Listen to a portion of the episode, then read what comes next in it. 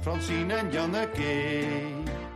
Over al die dingen die zo lekker en zo leuk zijn. Ballet, kroket, culinaire zaligheden. Culturele wetenswaardigheden en ook nog met live publiek erbij. Ballet, kroket, al die leuke fijne dingen vanuit Studio Kookhaven.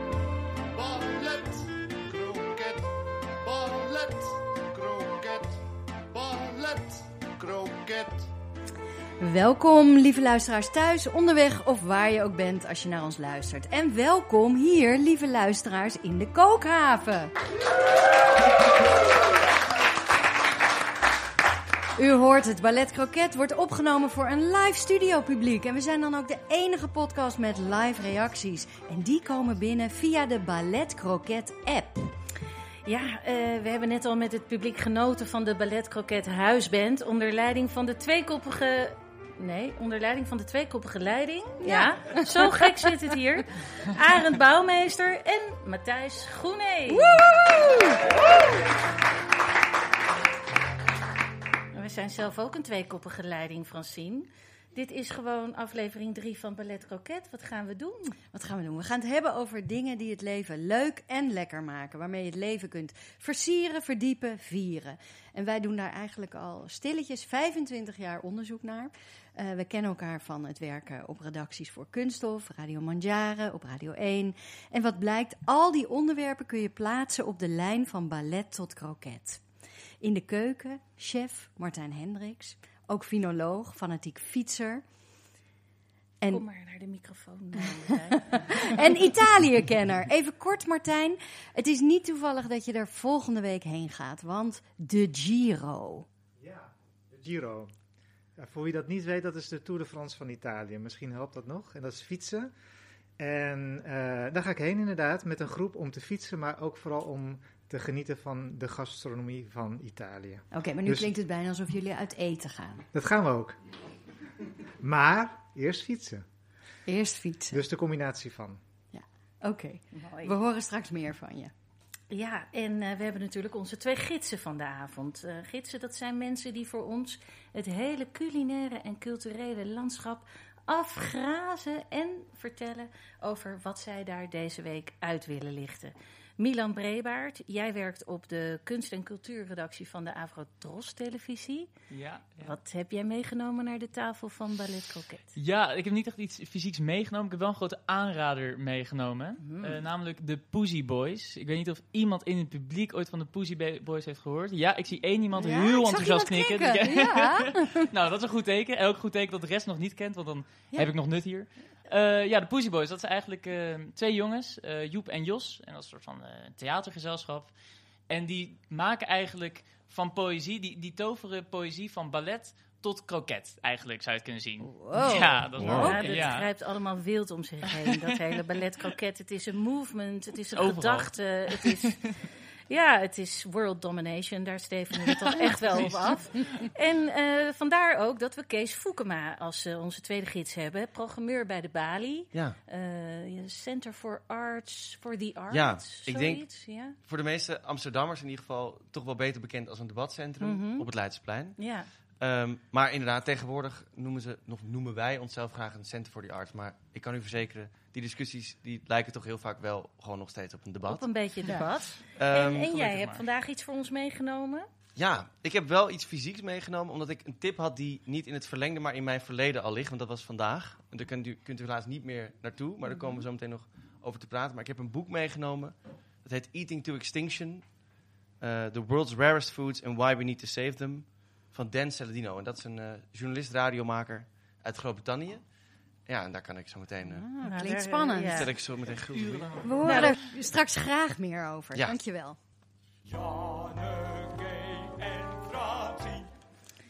Jongen, jongen, Francine, uh, dat belooft weer een heerlijke aflevering te worden. Uh, maar voordat we naar jouw week gaan, moeten we eerst even terugkomen op iets van vorige aflevering. Want ja, het loopt nu al helemaal in de soep. We moeten rectificeren, corrigeren, terugnemen, excuses aanbieden en alles wat verder nodig is. Eh, de Cairo Conspiracy, Ja, die nee, fantastische film, hoe zat het ook alweer? Nou, we zijn zo nat gegaan. Eh, ik was heel enthousiast over die film. Het was ook een prachtige film, Cairo Conspiracy. Eh, het speelde zich af in Cairo, eh, binnen een religieus instituut, waar je werkelijk het gevoel van, nou, daar kun je nooit binnenkomen. Het speelde zich ook op straat af in Cairo. Wij, allebei fans van deze stad, dachten iedere straathoek te herkennen. Eh, we roken de geuren van Cairo. Achteraf werd ons door een luisteraar werden we erop gewezen dat het opgenomen is in Istanbul. Wat een Ja. leuke stad overigens.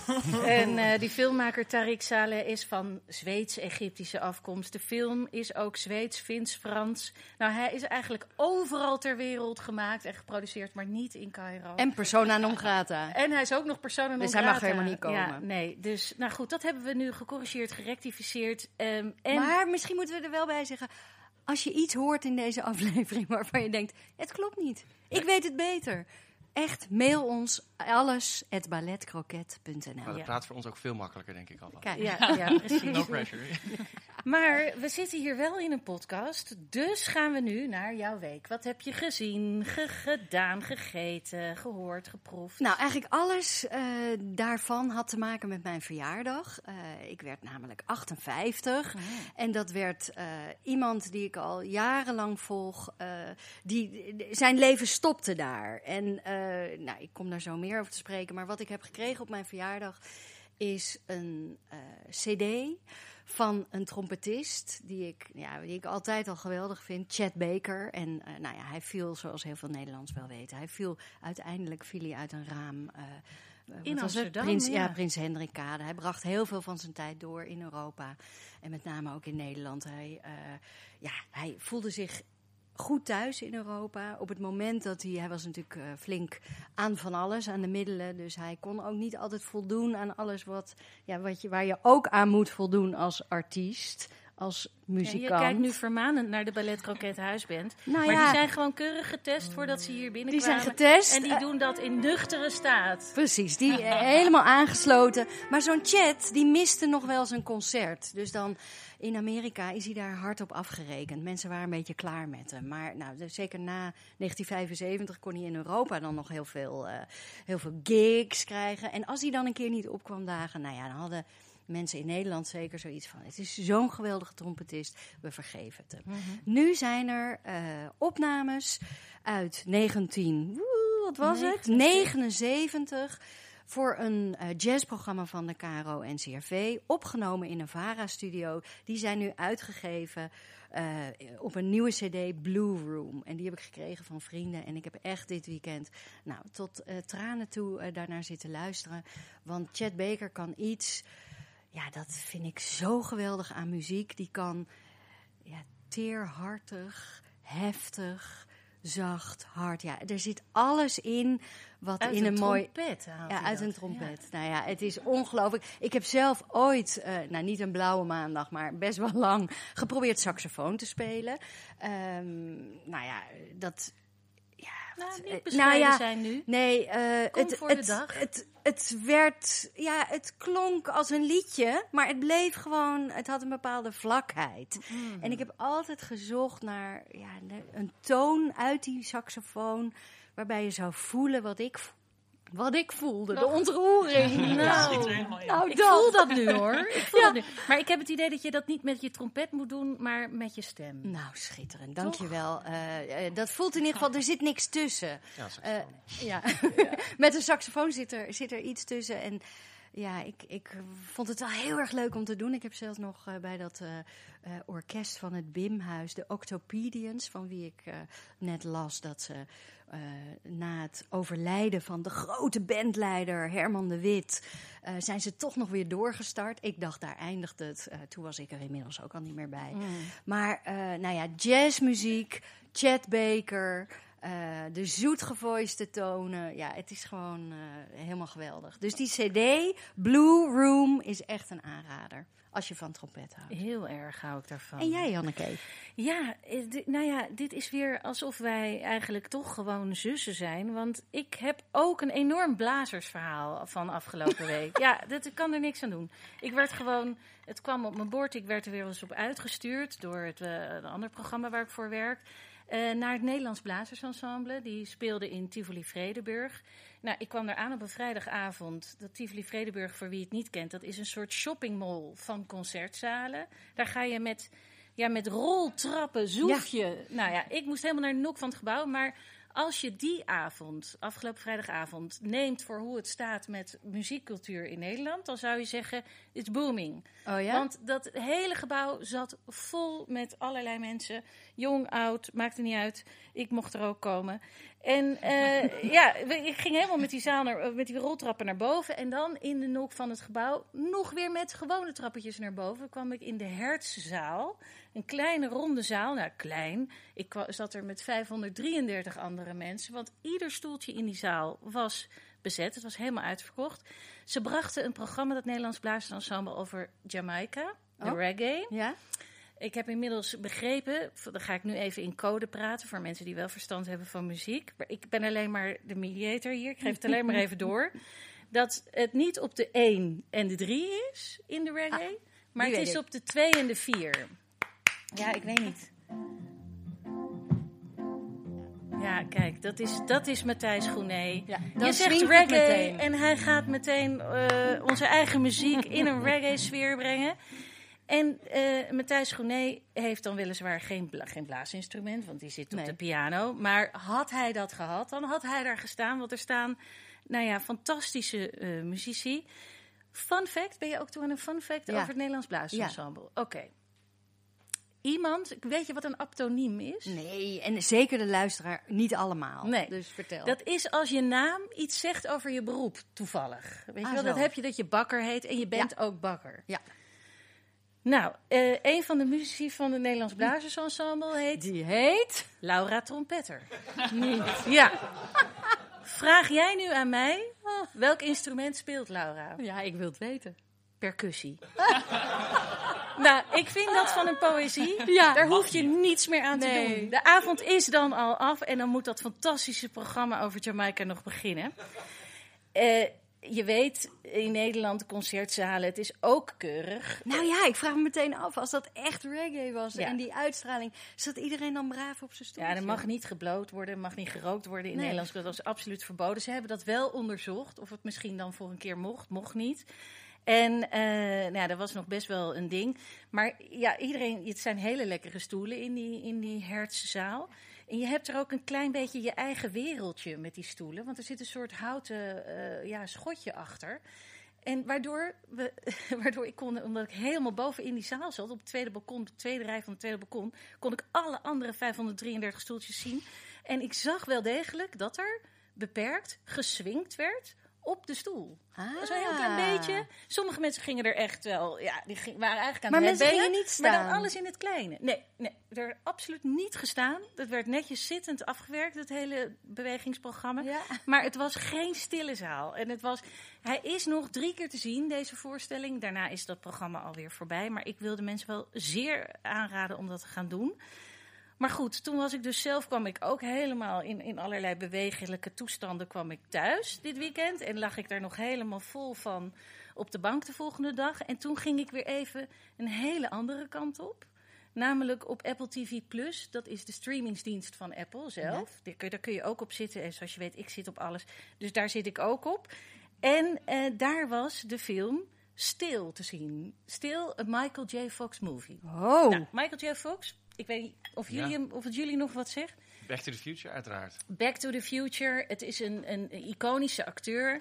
Eh, hij, was, hij stond bekend om het feit dat hij is vrij klein van stuk en heel jong van uiterlijk was Ja. hij vroeger. Dus hij kon als volwassene nog kinderrollen spelen.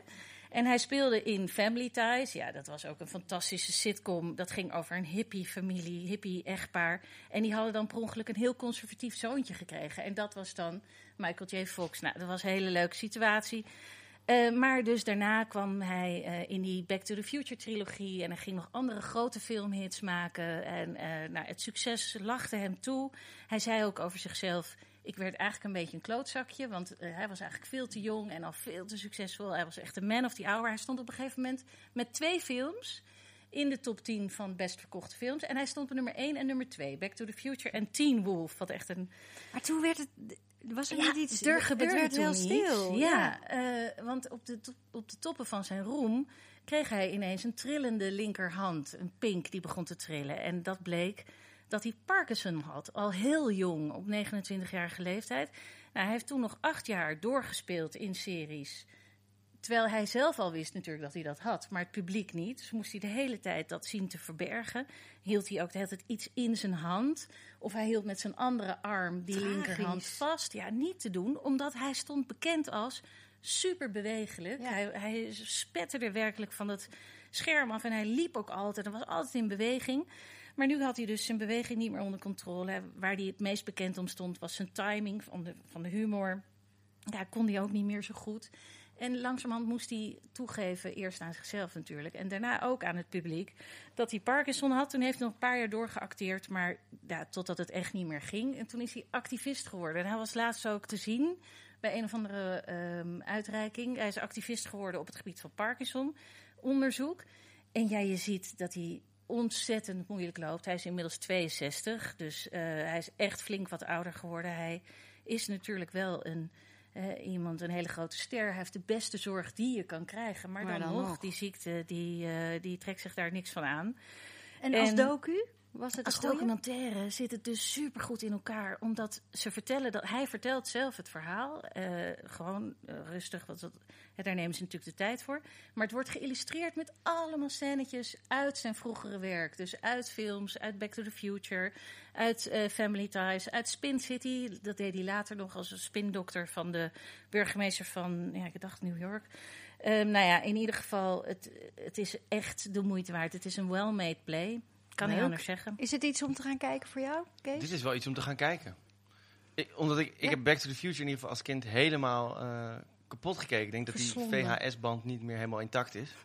Eh, Ja. Maar dat hele Parkinsons verhaal wist ik ook pas tot ik onlangs de trailer zag van, van Ja. Stil. Wat ik een mooi gekozen titel vind. Prachtig, ja. Nou, mooi, dankjewel.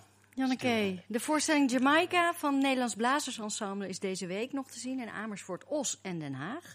Meer informatie via nbe.nl. En de documentaire Stil, A. Michael G. Fox Movie op Apple TV+. Waar komt nu? Waar komt nu?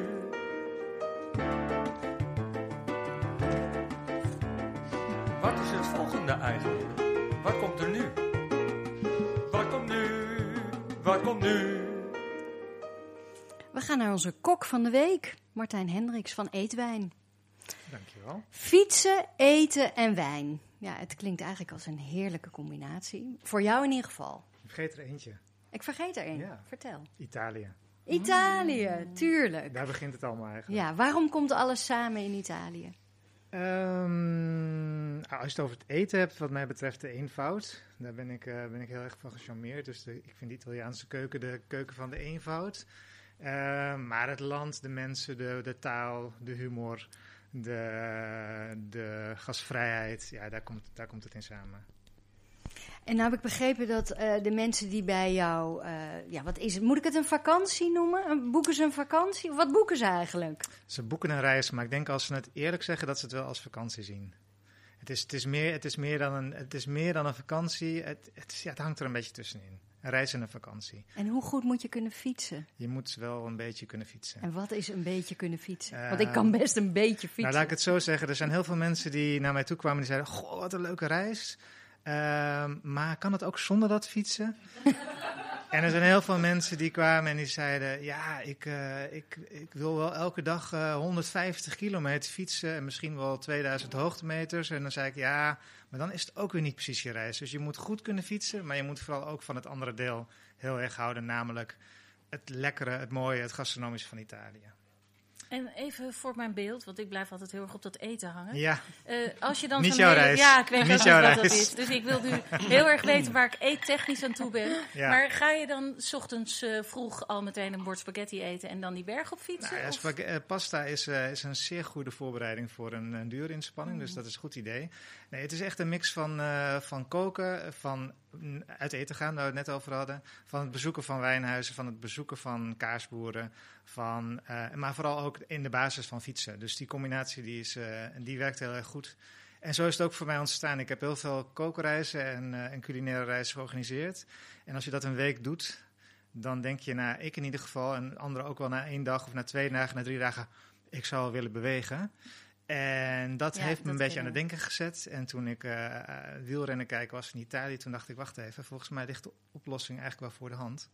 Die twee moeten samen, namelijk Ja, ja, en je- bewegen en Precies, je begon Dus- je een beetje volgevreten te ja, als je op de fiets zit, dan denk je, oh, ik mag straks lekker eten. En als je gegeten hebt, denk je, ja, ja, het maakt niet uit, want we gaan morgen toch weer fietsen. Dus dat is een, heel fijne, een hele fijne combi. Ja. En de mensen die zeggen, ik wil helemaal niet, eh, niet meer fietsen, ja, die zitten niet in de goede reis.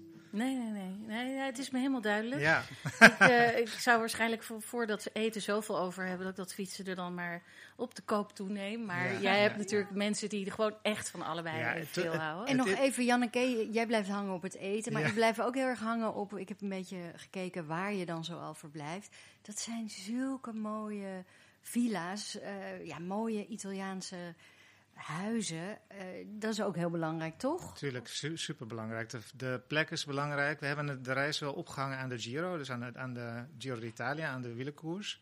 Dus we gaan kijken, ergens in november wordt dat bekendgemaakt waar ze naartoe fietst. Dus we kijken, oké, waar zou het leuk kunnen zijn om naartoe te gaan? Waar kunnen we de renners bekijken en waar willen we zelf fietsen?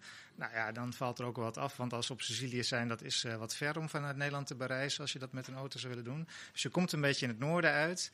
En dan gaan we kijken van, is er een mooie plek waar we kunnen verblijven? En als dat allemaal samenvalt, dan, dan begint de reis eh, vorm te krijgen. Ja, want het is in een heel bijzondere regio, toch? In Ja, we gaan nu naar. Friuli. Dat is niet heel bekend, denk ik, voor de, voor de meeste luisteraars. Ehm, en Friuli is een, het gebied in het noordoosten van Italië. Ehm, dus eh, inge, ingekapseld, zou je kunnen zeggen, tussen Slovenië en Oostenrijk.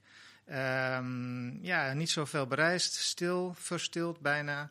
Eh, en daarom heerlijk om, om te fietsen onder andere, maar ook met heel veel culinaire geheimen.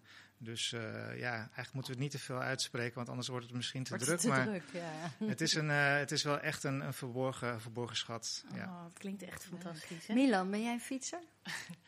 Ehm, ik ben een echte, echte, een echte stadsfietser. dus ik, ik fiets hele korte afstanden. Ja, heel hard. Maar dan wel heel goed, heel goed manoeuvreren tussen de mensen door. Ja. Ehm, maar om achter die culinaire geheimen te komen, zou ik bijna, zou ik bijna fanatieke wielrenner Je worden. naam Dus, leent zich er wel voor in ieder geval, Milan. ja, oké, Waar doet ja, hij je dan aan Italiaans. denken? nou, de beste sprinter op dit moment in de Giro d'Italia heet van zijn achternaam Milan. Ah. Dus eh, nou, wie weet laat, je- kun je hem nog laten inspireren. Dit wist ik niet, dus Nee. dat zegt ook al iets. Dus Ja, ja. Nou, leuk. We gaan straks wat eh, van je proeven. Je hebt iets meegenomen Ja. voor ons en Ja. voor het publiek. Dus dat is hartstikke aardig. En ik zeg er ook even bij dat eh, fietsen met eh, eetwijn is dus volgende week al. En ja, Ja. je, je deed een beetje voorzichtig. Nou er is, eigenlijk zit je vol, maar ja, als er iemand dit hoort en die wil heel graag... Als iemand heel graag wil, dan kan hij altijd een berichtje sturen. Dan gaan we iets. laat ik zo zeggen, er is nog een bed. Er is nog een bed. nog ja, een ik bed. denk toch, als, als het bij je past, dan is het toch net wat je nodig hebt om, eh, Zeker, om te gaan zeker. boeken. Ehm, u vindt informatie hierover op www.eetwijn.com en natuurlijk ook in de show notes van onze podcast en op het Insta Instagram-account balletcroquet. Ballet, kroket,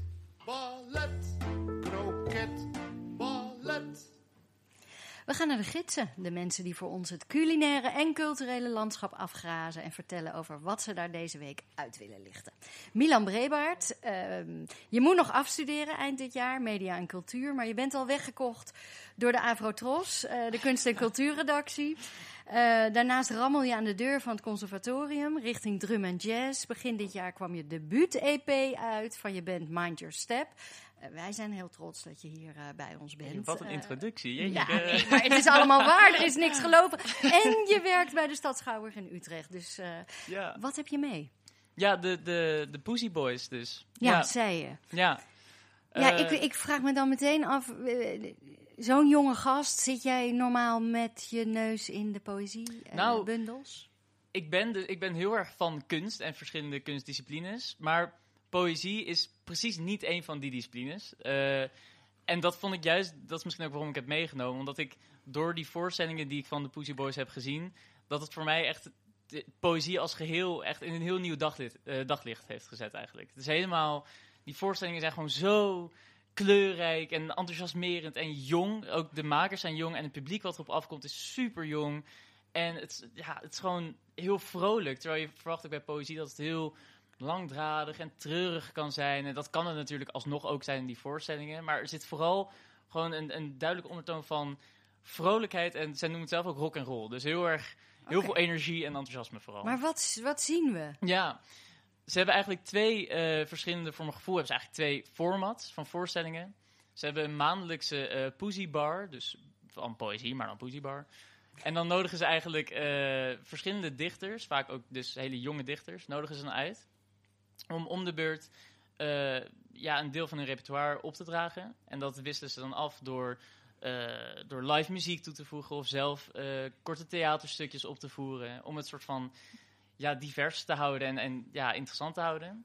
En andere soort format wat ze doen is dat ze verschillende overleden dichters nemen ze dan, gaan ze zich helemaal in verdiepen en dan kijken ze hoe het leven van zo'n dichter eruit heeft gezien. En dan maken ze een voorstelling over die dichter. En daar komt dan ook wel poëzie van die dichter in voor, maar het gaat vooral echt over het, het leven van die dichter. En wel wat de poëzie van die dichter heeft bijgedragen aan de maatschappij en wat voor, wat voor reacties dat heeft opgewekt. Eh, En daar komen echt hele rare voorstellingen uit. Want het gaat vooral gewoon over het idee van zo'n dichter. En dus daar wordt dan een hele voorstelling om gemaakt. Dus dat, Heb je, eh, heb je een voorbeeld? ja, ik heb eh, laatst eh, in Almere, of all places, ben ik eh, bij... eh, eh, hartstikke leuk Almere. Niks, geen kwaad woord Ontzettend naar over Almere. gehad voor We mensen uit hebben Almere. luisteraars Fantastisch. Ik heb een nieuwe favoriete stad We ontdekt. love Almere. Everybody should live in Almere. Eh, Maar ja. vertel, Ja. Almere. ehm, Het kan in Almere. die hebben een voorstelling gemaakt over, eh, ik weet niet of ik het goed uitspreek, maar Daniel Garms.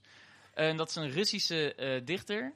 En ja, het, het levensmotto van die dichter, wat ik in ieder geval uit die voorstelling heb gehaald, is dat volgens Garms kunst eh soort van nergens op staat. Heeft, he- heeft helemaal geen toegevoegde waarde, soort van. Dus dat, Geen doel. nou, wel toegevoegde waarde, ja, maar in ieder geval niet. Je moet het niet gaan interpreteren. Dat was helemaal het idee achter, achter poëzie en achter kunst, volgens Garms. Het is gewoon, het is er, maar je moet, het niet, je moet er niet dingen achter gaan zoeken. Aha. Dus die hele voorstelling is ook een, ja, het klinkt dan negatief, maar bij elkaar geraapt zooitje aan gewoon enthousiaste dingen en theaterstukjes. En je komt binnen en sommige mensen worden dan uit het publiek meteen geplukt om aan een soort rare tafel te zitten. En daar ga je dan, er zit dan allemaal papier en allemaal kleurpotloden. En dan word je, nou niet gedwongen, maar dan moet je gaan... ja, ik, ja, precies. En dan moet je, gaan, eh, moet je gaan tekenen. En dan mag je niet figuratief tekenen. Dat mag alleen maar abstract, want je mag niet interpreteren. Eh, en andere mensen moeten gaan kleien. En dat is, iedereen zit dan aan een tafel gewoon dingen te doen. Ondertussen wordt Rocket Shot aan je aangeboden. En zitten zij een beetje muziek te maken. En dan soms ineens een theatraal stukje. En dan weer andere mensen aan tafel. Dus er gebeurt van alles. Alle theatrale conventies moet je vergeten voordat je daar binnenkomt. Anders ben je de hele tijd in de war. En dan heb je gewoon echt een ontzettend leuke avond. Waarin poëzie centraal staat. Dus ja. En ga je ervan lezen? Nou, kijk, ik ken ze pas net. Maar. nee, het heeft wel. Misschien hoeft echt- het ook niet, maar ik- Nee, ja. Nee, dat hoeft inderdaad natuurlijk niet. Maar ik heb wel, de, ik heb ook een, eh, van het andere format heb ik dan ook een voorstelling gezien. En dat is dan, nou, Poesie Bar XL. Dus dat was dan in Nationaal Theater Den Haag. Dat was allemaal wat groter dan normaal. En er waren echt bepaalde dichters waar ik nog nooit van heb gehoord. Waarvan ik nu ook weer de naam heb vergeten. Die echt gedichten hebben voorgedragen. Die me echt zo raakten. Maar niet per se emotioneel raakten. Maar dat ik er echt zo enthousiast van werd. Wat zo'n leuke manier van schrijven en opdragen. En denk ik van ja, dit... Ik zou in ieder geval veel vaker naar dit soort avonden gaan. Dus En ja. eh, volgens mij zei je het in het begin al, dat in de zaal zaten ook heel veel jonge mensen. Ja, klopt. Ja. Dat, dat viel me echt op. Ik, zoals je al zei, ik werk in de stad Schouwburg-Utrecht. Dus ik weet een beetje wat het gemiddelde theaterpubliek is. Grijs. Ehm, ja, een beetje grijs, ja. dat eh zag gezegd. En ik kwam, ik kwam die... Vind ik nou zo lief dat je het wel zacht zegt. Ja, ja, ja, precies. Ja, ja, ja. Maar wel schreeuwend ook. Ehm, en ik, ik kwam die zaal binnen en het was gewoon, het was zo jong gewoon, het was zo verfrissend. Het is echt, de gemiddelde leeftijd lag echt super laag. Natuurlijk ook wel gewoon eh, oudere mensen, maar die mogen er ook zijn. Ehm, Hij wordt iets minder zacht al. Hij begint zich thuis te voelen. nee, maar dat, eh, ja, dat- en dat helpt natuurlijk ook dat eh, Joep en Jos zelf ook heel erg jong zijn. Dat, draagt- ja, dat dat voel je dan ook in die hele, de hele sfeer van die, van die voorstelling. Eh, dus ja, zijn ook grote, zijn ook heel goed bevriend met Joost Omen. Die kennen misschien mensen Ja. wel wat meer. Oh. Ja, en die, eh, zat, die was in het publiek bij die tweede voorstelling in Almere. Eh, dus toen zat ik met hem aan tafel te kleien. Dat was ook hartstikke leuk. Eh, Ja, dat kan dus in Almere. ja, nog precies. maar een keer Alleen Almere. ja. ja. Ehm, en dus eh, bij de Pussy Bar XL heeft hij ook gedicht voorgedragen. En dat was ook hartstikke mooi. Dus ja. Leuk joh. Mooi. Ja. Milan, ben jij nu helemaal... eh, ben- kende jij de Pussy Boys eigenlijk al? Nee. En wat denk je nu? Nou, ik, ik, ik kan niet anders zeggen dat dit enthousiasme heel aanstekelijk Ja. eh, heeft gewerkt. Nou, Dus precies dat. Dat is dus bij mij ook hun enthousiasme. Oh ja, dat is ook dus- bij mij aanstekelijk, ja. het is eigenlijk Zo een estafette stokje die jij telkens doorgeeft. Ja, Dus het enthousiasme virus. kolkt hier nu over de klinten. Een gedroomde is- gast Ja, eigenlijk. Ja, dat, daar kunnen we wel van spreken. Nou, dankjewel Milan Brebaert. Ja, en eh, als u thuis nou ook de Pussy Boys wil zien... ga dan binnenkort naar Oerol, het theaterfestival op Terschelling... of kijk voor hun andere optredens op www.depussyboys.nl. Dingen met dik. Dingen met dik. Alles rustig. Dingen met dik. Dingen met dik. Dingen met dik. Dingen met dik. Dingen met dik. Dingen met dik. Oh jongens, we zijn weer in het commerciële hoekje van Ballet Croquet aangekomen. Dit is echt, nou ja, eh, Harry Mens is er niks bij. Het is één grote business class wat we hier aan het doen zijn. We verdienen hier ons geld. Dit is gewoon keihard commercieel. Voor de pegels. Dick, je had je voorgenomen, ik hou het rustig vandaag. Maar dan kom je met het eerste product. En er zit een kerstlichtje in. Nou, noem het maar een kerstlichtje. Eh, de jongens van Hermit, we hebben het over Hermit eh, Gin. Ik heb jullie eh, in het begin al een glas aangeboden. En dat is dan eh, samen met de tonic erdoor. Mhm. Een gin tonic noemen we dat in de, in de business. Een, gi- een, gi- een gin tonic noemen we dat in, in de business. en eh, ja, dit kerstlichtje is even om, om extra aandacht te vestigen op, op, op de fles. En, We eh, zitten wel in een podcast, hè Dick? Ik wil ja, niet maar ja, er zitten ook je- mensen bij, hè? Ja, ja dat is waar. En, jij begint over kerstlichtjes. Ik, heb, ik ben er niet over begonnen. Jongens, Nee, kom op. Nee, nee. Ja, we zouden het zakelijk houden vandaag. Niet meteen weer in die ruzieachtige sfeer. Eventjes alles, alles heel aardig. Nee, Hermit Gin Hermit Gin is niet, en dat heb ik zomaar, dat bedenk ik zomaar, is niet zomaar een is gin. niet zomaar een gin. Nee. Dit is een gin gemaakt met Oosterscheldewater. En dan zeg je Oosterscheldewater, ja, eh, zeewater. Maar dat is toch zout water? Dat is zoutwater. En dat hebben ze met veel passen en meten door de leidingen weten te persen. En daar hebben ze een prachtig product uit gedestilleerd. Eh, met twee soorten sinaasappel, cardamom en nog wat andere geheime botanicals die eh, eraan toegevoegd zijn. Het is eh, heel fris in de nasmaak. Het is een hele zachte gin. En ja, ik kan het niet anders dan iedereen aanraden. Ehm, om het zelfs puur te drinken. Ja, want daar, ik, wil, ik heb eerst even een vraag. Is het doorzichtig? Het is eh, doorzichtig, zoals je ziet, door het licht. Want nou zit hier naast mij iemand die het grote publiek kent onder de naam Francine Knorringa. en die houdt van doorzichtige drankjes. Dus is het misschien mogelijk dat Francine een klein glaasje van die Hermit Gin te proeven krijgt? Want dan kunnen we kijken Wat dat uithaalt is. bij zo'n bij zo'n vrouw. Jij toch een kenner van doorzichtige Ja, drankjes. een kenner van Misschien maar- moet je de fles heel kom even doorgeven. eventjes, eh, ik kom moet het halen. Ik kom het halen. Oh, Ja, want Francine anders gaat nu lopen. anders begin ik weer Alles loopt weer helemaal in het honderd. Het is de reclamerubriek. Ja. Hermit Gin. Het is een fantastische gin. Hij is natuurlijk doorzichtig. Dat zei ik alleen maar om Francine een excuus te geven om hem te mogen proeven. Want ze houdt ook veel van water, maar toevallig ook van gin. En ehm, ik vind zelf altijd, gin moet je niet zomaar... Je kan niet ongestraft iedere gin zomaar puur gaan drinken. Want dan val je soms hup op je achterhoofd en is de hele avond al voorbij. Ja. Hoe zit het met deze Hermit Gin? Nou, eh, De glimlachgarantie. Er Ja. er zit namelijk een 99% glimlachgarantie op deze gin. Hij is zacht. Nee, dit is geen grap. Dit Hij is zacht. Ja, nee, het is eh, serieus. Een hartstikke serieuze rubriek dit. We Ja. gaan geen grappen lopen maken. Nee, dit dat is kan- dat dat kan nu even Maar niet. hij is ook sterk. Dus ja, het is maar ook zacht geen... in de smaak, hoop ik. Ja, zacht in de smaak, maar hij is ook sterk. Dus je Ja, hebt echt eh, een... Nee, maar dat is, dat is beet. Positief. 42 positief. procent. Maar Hij lekker lekker voor de. Hogeschool van de Proefkunde. Ja, Proef je dat zilte, Francine? Ah, Proef je ja, maar ik heb mezelf een beetje geholpen, want eh, Dick heeft er ook een eh, beetje zeekraal bij gedaan. Ja, deze- en dan heb ja. je echt een smaakexplosie. de, de, de, de, de, de Hermit Gin eh, Perfect Surf wordt afgemaakt met een eh, zeekraal. Ja. En als je op de zeekraal bijt, dan ben je weer terug in de zee. Ja, dus eh, deze combi is helemaal te gek. En ja, ik vind hem heel erg lekker en zacht. En terug in de zee vind ik, dat is een van mijn grote ambities. Om gewoon weer terug in de zee te komen. Ja, maar even... Want we zijn zo ver van die zee afgedreven. Ja, maar voordat je, ja. terug in die zee, voordat je terug in die zee gaat, waar zitten we? We zitten hier in de kookhaven. We zitten hier in de kookhaven. En dat is natuurlijk gewoon eh, echt het tweede onderwerp van dit puur commerciële blok. Wat kun je hier, wat wil je hier, Ik ben wat blij mag dat je je erover hier? begint.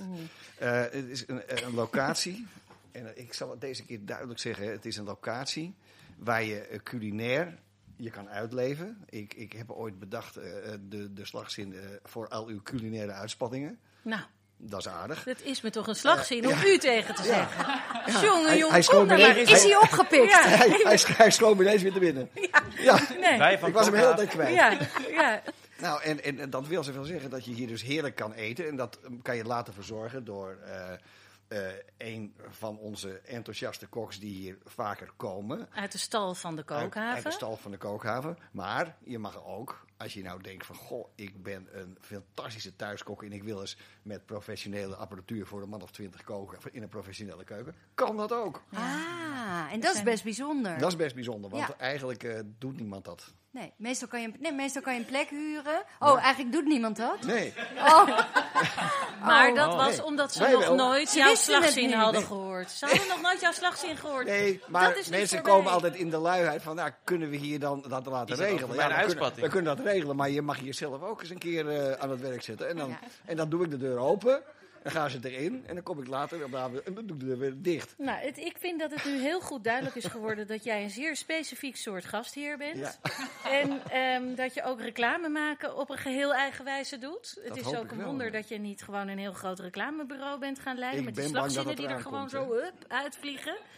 Ehm, dus ja, we hebben de Hermit Gin. Een zeer Ja. bijzondere gin met een zilttintje. en verkrijgbaar bij Gal en Gal. Verkrijgbaar bij Gal. Zoals ik vorige week zei, eh, 44 gal en gal zijn er bijgekomen vorige week. Almere? Ja. Vanwege die Hermit Gym. Nee, vanwege ballet croquet. Vanwege Dat is dus, als je hier Vanwege gaat adverteren... Gaat heel hard. Ja, Het Nee. groeit echt. Maar er is, ik bedoel, ik zei al, world domination. Ja. Dat is gewoon waar we. Ja, dit Ik, is, ik ben bang dat we volgende week eh, op, op 155 eh, gal en gal zitten. En dat is best Ja, maar wel dat veel. gaat heel hard. En de kookhaven, als mensen daar iets mee willen? Dan kunnen ze eh, kijken op kookhaven.nl en eh, dan eh, een, een, een mailtje sturen of mij bellen. Telefoonnummer staat erbij. En dan eh, neem ik gewoon op. Doe ik zelf. Ik heb geen telefonist. Ik doe alles zelf. Hè? Ongelooflijk. Alles zelf. Korte lijnen. Ja. Dankjewel, Dick. Wilt u ook adverteren in Ballet Croquet? Stuur dan een mail naar alles@balletcroquet.nl. Dingen met dingen met dingen met dik. Nou, alle commerciële gekheid weer even helemaal op een stokje. Nu gaan we naar onze tweede gids van de avond, Kees Foukema, programmamaker bij de Bali. Center for the Arts, dat zeggen we gewoon. Debatcentrum, dat vergeten we. Veel te ruzieachtig klinkt dat allemaal. En, en lagerhuis en, en ouderwetse televisieprogramma's. Nee, dat is het niet. Eh, daar ben jij programmamaker. Jij bepaalt wat daar wordt besproken. We komen daardoor allemaal op andere gedachten, nieuwe ideeën. Maar vandaag was je eigenlijk eventjes weg bij de Bali. Ja, En ging je zelf op onderzoek uit bij het Low Food Symposium. Dat werd gehouden in het Rijksmuseum. Waarbij low food in het leven is geroepen door een aantal kopstukken. Om eh, eigenlijk te onderzoeken hoe je ervoor kan zorgen dat de gastronomie, dus de, de hogere restaurantkunde, hoe dat duurzamer en inclusiever wordt. Klopt dat? ja, ik denk dat je zowel de Bali als nu net Low Food echt heel goed eh, samenvat. Dus dat, Dankjewel. dat is helemaal het geval. Nou, mocht een van beide partijen willen adverteren in Ballet Croquet, dan staan we daar natuurlijk Dan voor weet ik, de lijnen zijn kort. Maar eh, wie zijn eigenlijk ook weer die kopstukken die daarachter zitten, achter die, die low food? Ja. Ja, low food overigens niet te verwarren met slow food, want dat is weer een hele andere Het scheelt maar één letter, En, eh, maar die ene letter kan al het verschil maken. ja, don't even go there zou ik willen zeggen. Eh, ik heb het eigenlijk nu net moeilijker gemaakt dan het al was. Maar Ja. ja, Low Food, de kopstukken daarachter, dat zijn eh, Joris Lohman, onder andere. Die is dan weer van Food Hub. Joris Beidendijk, dat is weer een andere Joris, maar die is weer van Restaurant Rijks. En een van de beste chefs eigenlijk. Ja. eh, die we, En helemaal op Nederlandse producten. Ja, dus dat, ja, dus dat low food, dat slaat ook op de, de lage landen. Dus de, Ja. Gaat echt over de, niet alleen de gastronomie aan zich, maar wel echt over de Nederlandse gastronomie. Eh, dan heb je nog Nadia Zerouali, Mhm. die, eh, die ook er- erg veel doet met, met culinair erfgoed en eh, bij de als presentator op televisie dat goed, ja, ja, tot uiting brengt. En wie hebben we er nog over? Ja, Samuel, Samuel Levy. Levy. Ja. Worstenmaker te Amsterdam. En een, een native van de Watergraasmeer. En een, en een kok zelf ook. En die, die vier, die, heb, die, zijn, die waren er uiteraard allemaal bij vandaag. En die hebben ja, wel echt een heel mooi programma gemaakt. Ja. Zeg ik als programmamaker van een andere plek. Ja, dus we, we kunnen het jou wel toevertrouwen, dat oordeel. Want je hebt er zelf niks bij te winnen om het een Nee. goed programma te vinden. Maar vertel me, wat heb je, wat heb je opgestoken daar? Nou, ze hadden een, ehm, een, een, een, go- een goede line-up. Moet wel zeggen, voor, je, moet wel, je moest wel echt een diepe culi zijn om ze te kennen van tevoren. Dus ik denk, daar is nog wel een uitdaging om die echt aan een wat breder publiek, laat zeggen een ballet croquet publiek bijvoorbeeld te krijgen. Maar ja, ook daarin, als ze tips nodig hebben, de lijnen zijn kort. Ja. Mhm, mhm. Ehm, maar ze hadden ja, drie internationale sprekers en nog wat andere mensen. En eh, onder andere Chris Ying, een. Chinees-Amerikaanse man. Een hele leuke man is Ja. dat, eh, die, die die podcast heeft met Dave Chang. Ook Ja. zo'n hele goede ja, wereldchef eigenlijk ook. Hè, van Precies. eh, grote restaurants in eh, New York, Las Vegas. Maar waarom was hij zo leuk? Nou, die, die kan dus, ja, die David Chang show, daarin bespreken ze dus ook hele mooie dingen op een heel breed spectrum. Maar het gaat altijd over eten. En dat doen ze op een hele laagdrempelige manier. Dus ze kunnen, de ene dag bespreken ze Domino's Pizza en, en, en gaan, doen ze daar een uitvoerige en diepe analyse over. En de volgende dag kan het weer iets zijn zoiets gewichtigs als duurzaamheid in de, in de, in de keuken wereldwijd. Wat gewoon een heel belangrijk onderwerp is. Ehm, dus dat... ja. Echt een hotshot om eh, in dat programma te hebben zitten vandaag. En eh, eh, hij bijvoorbeeld, en een, eh, een, Ghanese chef, Fatmata Binta. Ook een echt een fantastisch verhaal had zij. En ja, ik denk, zij had wel een heel mooie... Zij wist wel heel goed neer te leggen wat ik eigenlijk zo mooi vind in, in programma's die gaan over duurzaamheid en eten. Namelijk dat ze en echt heel, nou ja, ik wil bijna zeggen, koelbloedig kon kijken naar wat er nodig is in alle uitdagingen die hebben wereldwijd. We hebben een biodiversiteitscrisis, we hebben een ontzettend groot probleem met de opwarming van de aarde. Dus we kunnen niet zomaar heel lichtzinnig over eten blijven praten alsof er niks meer aan de hand is. Want het voedselsysteem drukt een enorme grote stempel op die problemen. Maar ze kon daar dus heel goed over praten en ook heel goed kijken naar wat zijn oplossingen die echt werken. Dus zonder nostalgisch of romantisch te worden. Maar ze wist ook heel goed hoe belangrijk nou ja, de cultuur achter de, de, de keuken is. En hoe belangrijk nou ja, culinair erfgoed is. En dat ieder, iemand er ook ja, toch wel wat bij voelt. Dus hoe je eigenlijk die zachte waarden met die harde feiten kunt eh, Ja. combineren. Want het ging, de hele gedachte van vandaag was natuurlijk dat er bepaalde mythes moesten worden eh Ja. ont, ontmanteld. Precies, dus de, de, de hele, het hele thema en het hele doel van de, van de middag was to step away from your gut feeling. En nou, iedereen kent dat onderbuikgevoel. En ik denk ook in Nederland hebben wij volgens mij hebben, hebben mensen ook in onze politiek bijvoorbeeld een heel sterk onderbuikgevoel. En ook als het gaat dus om oplossingen voor een duurzaam voedselsysteem, ja, ja, gaan we toch echt gebukt onder het juk van het onderbuikgevoel vaak. Mhm. En dat onderbuikgevoel houdt dus al die mythes in stand. Ja. Dus er zijn, nou ja, om, om gewoon even een simpel voorbeeld te, te, te geven. eh, een uitvinding van de vorige eeuw, bijvoorbeeld de magnetron. Een, een, een, een, een, hele, een hele goede uitvinding als het gaat over eh, ja, duurzaam koken. Je kan Mhm. echt met heel weinig energie bij best, best wel veel kanten op. Ja. Maar toch is op open vuur koken bijvoorbeeld, dat is nou echt een duurzaamheidshype. Bijna. Of dat associëren we bijna met ambachtelijk. En dat is, dat is, dat is nou echt... Dat, Met zo ongeveer al die een boom omhakken en dan dat hout in een grote korf doen Ja. en daarboven iets gaan lopen grillen. Terwijl dat is enorm eh, intensief, dat eh, verbrandt je heel veel. Ja, En dus die magnetron... En het onderbuikgevoel bij een magnetron is bij mij echt niet oké. Nee, helaas niet. Nee, ik zie het ook aan je gezicht. Die- Ik heb hem eruit gedaan. Ik maak ja, me nu gewoon ik heb er ook geen. Maar daar, daar zit de poëzie dus echt een beetje in de weg. Ja. Want, nou, of ik bedoel, laat, ik wil echt niet nu eh, een soort van de, de reclameblok voor de magnetron inluiden. Nou, maar ik weet niet, als de magnetron wil adverteren in Ballet Croquet, ja, dan doen we dat. Dan omarmen wij met z'n allen de magnetron. Precies, de aarde redt. Ja. Wie zijn wij om de de magnetron te shamen. nee, Maar precies. Maar de hoeven- magnetron als metafoor in dit geval. Ja, ja. Ja. maar eigenlijk is het zo, we moeten niet te bang zijn voor allerlei vormen van voedseltechnologie. Want Mhm. in bepaalde, of, of landbouwtechnologie. Ja. Want in bepaalde gevallen zijn die veel duurzamer dan dat we allemaal in onze eigen achtertuin een aardappel in de grond stoppen. Ja. En daar heel veel water bij doen. En, en maar sproeien in de zomer. Ik, ik ga nu een beetje wild fantaseren. Nou ja. Ik heb nog nooit een aardappel Als in de jij heel graag dat laatste maar- wil doen, dan eh, staat dat je volgens mij volledig vrij. Maar Ja. je moet je niet denken dat je een wereldvoedselvraagstuk oplost. Nee, laat Of, dat of klimaatopwarming. Nee, ik vind dat we dat soort vraagstukken gewoon aan Ballet Croquet moeten overlaten.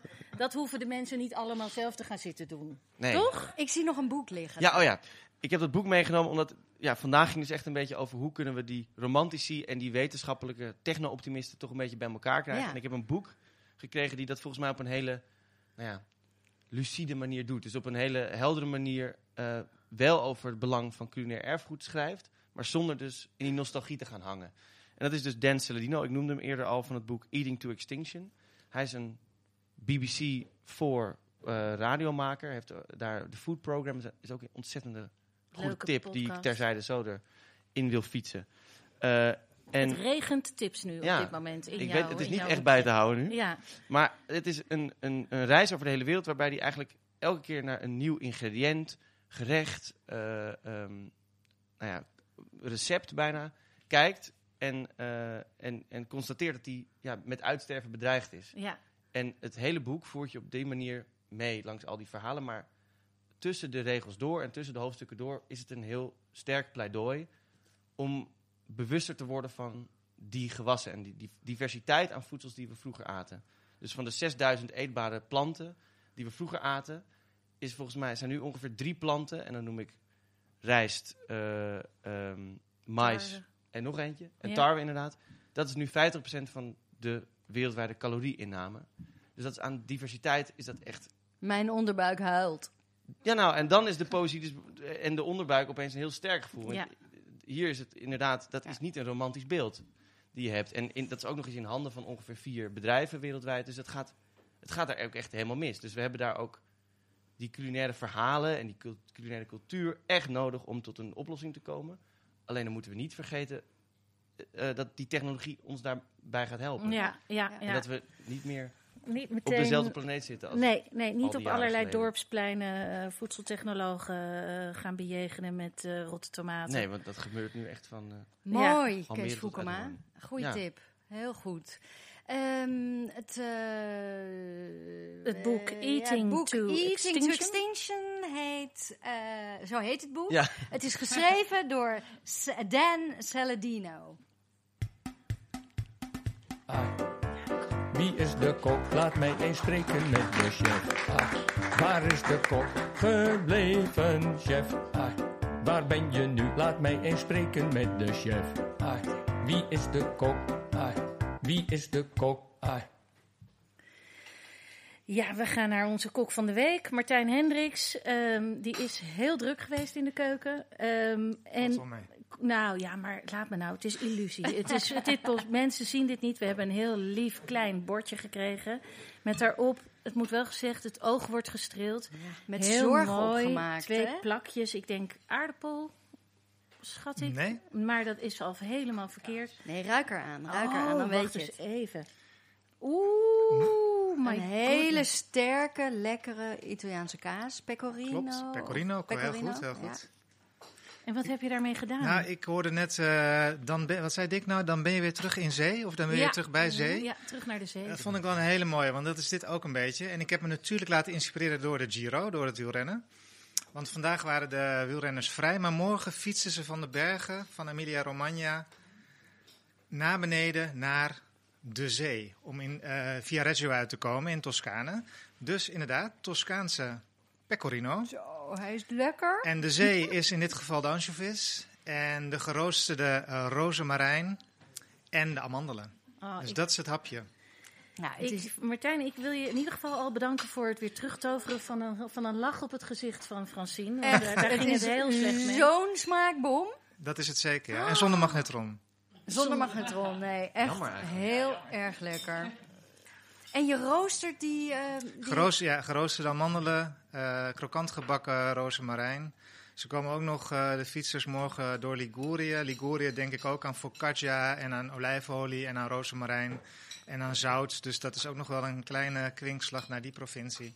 Dus, dus eigenlijk, ik, ik denk dan ook altijd bij mezelf, ik hoop dat zij dat ook morgen allemaal eten. En dat ze ook, maar ze zitten allemaal aan de jelletjes en aan de Ja. reepjes en aan de poeders. En, Technologie. eh, ja, Ja. technologie, ja. Dus. Ja, nou ik vind, ik vind eigenlijk dat het tijd wordt, ook voor mensen zoals ik, om aan die hele eh, verslaggeving rondom de Giro ook een culinair commentator toe te voegen. Die dat is, jij ja. dan misschien kan zeggen, Ja, Ja. ja. eh, we denken dat de renners Nou, vanochtend de pecorino hebben Ja, gekregen. dat- de Belgen zijn daar wel heel erg goed in. Die doen dat. Die Ja. vertellen van, eh, nou, nu rijden we door dit wijngebied. En eh, nu, kijk, in dit gebied wordt die en die kaas gemaakt. Dus die hebben absoluut het oog ervoor. Ja. Oh, Want, ik, want die, Ja. die, presenta- of die commentatoren zitten soms vier, vijf, zes uur samen in zo'n hokje dat verslag te doen. Dus ja, op zich heb je daar wel tijd Ja, voor. Alleen je moet wel de kennis hebben en zij hebben dat. Ja. Maar het schijnt ook, er is bijna niet tegen op te eten. Want die renners, die moeten, weet ik veel, duizenden Ja, dat- calorieën per dag tot niet- zich nemen. Dat is niet te doen. Nee, en dat dat, gaat niet als je dat in gewoon eh, niet- nee. gerechten... Even terug, Martijn, naar de li- jouw liefde voor de Italiaanse Ja. keuken. Dit is ook weer echt een voorbeeld van. Het zijn, het zijn vier ingrediënten. Vier, vier ingrediënten, ja. en vier ingrediënten. ja, zo rijk. Dat is aan- nog veel voor de Italiaanse keuken, vier ingrediënten. Als je een, ja, in veel risotto's of pasta, ja, is het misschien twee of misschien een keer drie als je gek wil doen. Ja. Vaak krijg ik ook wel een beetje straf als je meer gebruikt. Dan zie je zo'n chef of iemand in Italië kijken van, Ja, en bijna, waarom? bijna Ja. alsof het is om iets te verdoezelen. ja, ja, nou dat is misschien, eh, ja, waar, als je goede producten hebt, als je goede ingrediënten hebt, dan heb je ook niet meer, eh, vaak niet meer nodig. Dus, eh, Wat vinden onze gidsen van dit hapje? Ja, dit is, dit is volgens mij, zeker met het verhaal van die renners erbij die dat eten. Ja, dit is- kan toch niet anders dan dat woord culinair erfgoed eh, erbij hoort. Ja, hè? Er is één ding dat ik niet lust en dat is kaas. Oh, sorry Oh. Oh, gênant. Maar verder ben je heel open Maar ik zie mensen smikkelen en ik ben jaloers. ter Ja. gekomen? God, ja, ik heb Hoe- dit heel wat tactisch er verborgen. Ik, Ja. Nee, Verzwegen. kaas is nou eenmaal zo'n product. You love Ja. it or you hate it. De meeste Italië mensen. wordt niet jouw land, vrees ik. eh. nee, dat vrees ik ook. Dus toch ja. geen sprinter. Ik ben niet eh, welkom daar. Ik ben verbannen. Ach, jammer. Het zag er allemaal zo veelbelovend uit met die naam. Ja. Dan stort het allemaal in voor mijn Ja. Ah. God toch, eh, ja, het, het, nou ja. Eh, laten we ons vasthouden aan alle mooie dingen die deze avond ons gebracht heeft. Ten eerste dat we terug zijn gegaan naar de zee, naar Dixon, inspirerende woorden met de gin. En eh, de jeugd die ons vandaag heeft enthousiast gemaakt voor poëzie, voor ingewikkelde voedselvraagstukken. En de ballet factor zat overal weer perfect doorheen. Ja, eh Francine, je hebt me omver geblazen met die emoties die allemaal door jou heen gingen vandaag. En doorzichtige drankjes, trompetten. eh, ja, nou ja, jullie verhalen. En, eh, en dit hapje. Dit hapje. Mooi hapje. Dat kaasje, dat visje, die roosmarijn. Dit was de derde aflevering van Ballet Croquet. We danken onze gasten Martijn Hendricks, Milan Brebaert en Kees Foukema. Grote dank en een extra groot hartje aan onze technicus Arend Bouwmeester en de Ballet Croquet Huisband onder de tweekoppige leiding van Arend Bouwmeester en Matthijs Groené. Ballet Croquet werd opgenomen voor een live studio publiek. En wilt u ook een keer komen kijken en genieten van live muziek en goede sfeer? Dat kan. Stuur dan een mail naar alles@balletcroquet.nl. En wilt u adverteren in onze podcast? Dat gelooft u misschien niet, maar dat kan. Mail dan naar alles@balletcroquet.nl. Met grote dank aan de meest gastvrije Fries in Amsterdam, Dick Verweda van Studio Kookhaven. Wij gaan weer grazen. Tot volgende week. En onthoud, alles is ballet croquet.